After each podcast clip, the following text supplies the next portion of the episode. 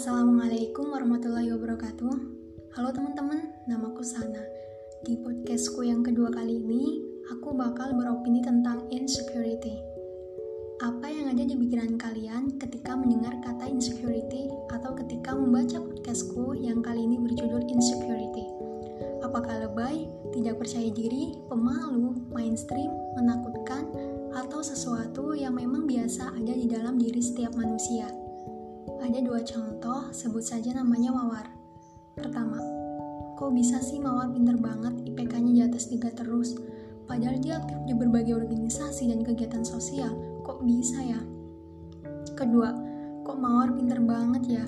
Aku mah nggak ada apa-apanya, dia ikut organisasi aku enggak, dia ikut kegiatan sosial aku enggak, aku mah cuma butiran debu. Menurut kalian, dari contoh di atas, mana orang yang merasa insecure? Pasti nomor dua ya. Karena banyak contoh pertama, orang ini merasa ingin tahu sebab dari Mawar bisa terus konsisten mendapatkan IPK di atas 3 meskipun dia aktif di berbagai organisasi dan kegiatan sosial. Di sini, yang menjadi fokusnya adalah sebab Mawar bisa pinter. Nah, sedangkan di contoh kedua, dia lebih fokus pada perbandingan, merasa bahwa dirinya itu berbeda dengan Mawar, merasa bahwa mawar itu sudah ditakdirkan untuk pintar sedangkan dirinya itu tidak. Insecurity adalah keadaan di mana seseorang tidak nyaman dengan dirinya sendiri. Salah satu sebabnya adalah belum bisa menahan atau memanajemen emosi sehingga menjadikannya kurang percaya diri. Nah, aku kasih dua faktornya ya teman-teman sekalian pembahasan dan solusi di dalamnya. Pertama, trauma. Trauma adalah suatu rasa takut terhadap pengalaman traumatik yang mengalami dirinya. Misal, ikut berbagai perlombaan dalam bidang sains, tapi selalu gagal. Kemudian ikut perlombaan-perlombaan lain dalam bidang seni, tidak menang lagi. Entah karena kurang maksimal dalam prosesnya, atau karena memang belum beruntung, atau bisa jadi karena pesaingan lombanya, karena pesaing lombanya yang selalu lebih berpengalaman. Hingga menjadikannya merasa insecure atau memiliki trauma untuk mengikuti perlombaan-perlombaan lagi. Merasa bahwa dirinya memang gak memiliki kemampuan apa-apa, sehingga ketika ada perlombaan-perlombaan lagi, pesimis untuk ikut. Atau ketika diberi kesempatan-kesempatan lain, langsung merasa, ah, aku paling gak bisa, paling gak menang, paling juga kalah, paling juga gak bisa kerja sama karena aku gak pinter.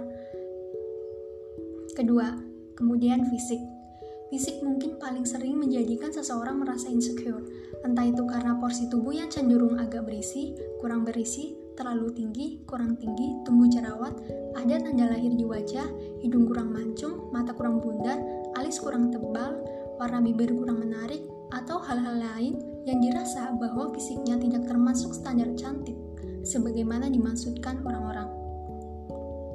Ingin dianggap keberadaannya oleh orang lain dan kita berpikir bahwa orang lain akan menganggap keberadaan kita hanya dengan fisik.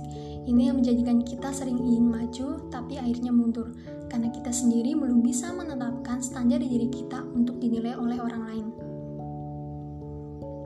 Ingin dianggap atau diakui oleh orang lain sebenarnya menjadikannya kita lebih fokus pada apa yang diharapkan oleh, oleh orang lain.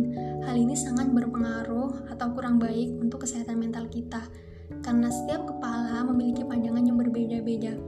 Mungkin lebih baik kita hidup dengan penuh prinsip sebagai jadilah diri sendiri, meningkatkan kualitas diri kita dari segi pemikiran dan tindakan, menjaga kebersihan dan citra diri kita dengan perbuatan yang menurut menurut kita itu baik. Dengan sendirinya, kita akan dianggap oleh orang lain bukan hanya dari fisik kita, bahkan mungkin tidak fokus pada fisik, tapi pada pemikiran atau perilakunya kita atau berbeda kasus lainnya seperti pekerjaan dengan kriteria-kriteria tertentu. Sejak kecil bercita-cita bercita-cita menjadi pramugari, namun saat dewasa tinggi tubuhnya tidak masuk dalam kriteria menjadi pramugari, sehingga menjadikannya merasa insecure. Mungkin belum jalannya jadi pramugari, coba cari sisi baiknya supaya mengurangi rasa insecure. Kembali lagi menurutku, sebenarnya insecurity itu ditetapkan oleh diri kita sendiri, karena itu semua tentang mindset atau pola pikir kita. Coba kalau kita memilih untuk mencoba menjadikan prestasi seseorang itu acuan, motivasi bahwa kita juga bisa. Kita hanya perlu mengetahui pengalaman-pengalaman atau kisah-kisahnya hingga bisa mencapai banyak prestasi.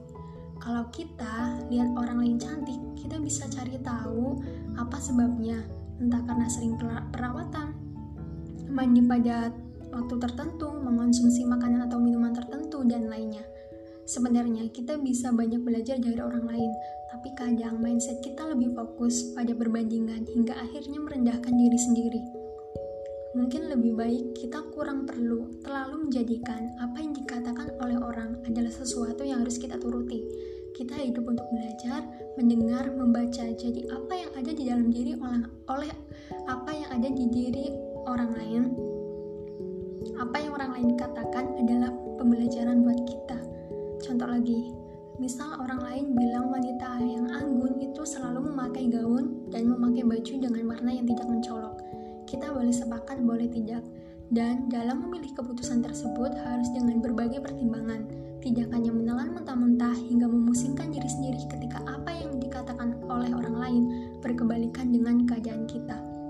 Ketika kita menjadi orang yang berketergantungan dengan apa yang orang lain katakan, lalu ketika kita ingin dianggap menjadi wanita anggun, kita langsung sering memakai gaun, memakai baju dengan warna yang tidak mencolok, kita memaksakan diri kita untuk terbiasa dengan hal itu. Padahal kita sebenarnya kurang suka, kurang nyaman memakai gaun dengan warna baju yang tidak mencolok. Di lain sisi, kita harus tahu bahwa definisi anggun setiap orang pasti beda-beda. Bisa jadi orang lain mengatakan bahwa wanita anggun itu yang suaranya halus, bahasanya lembut.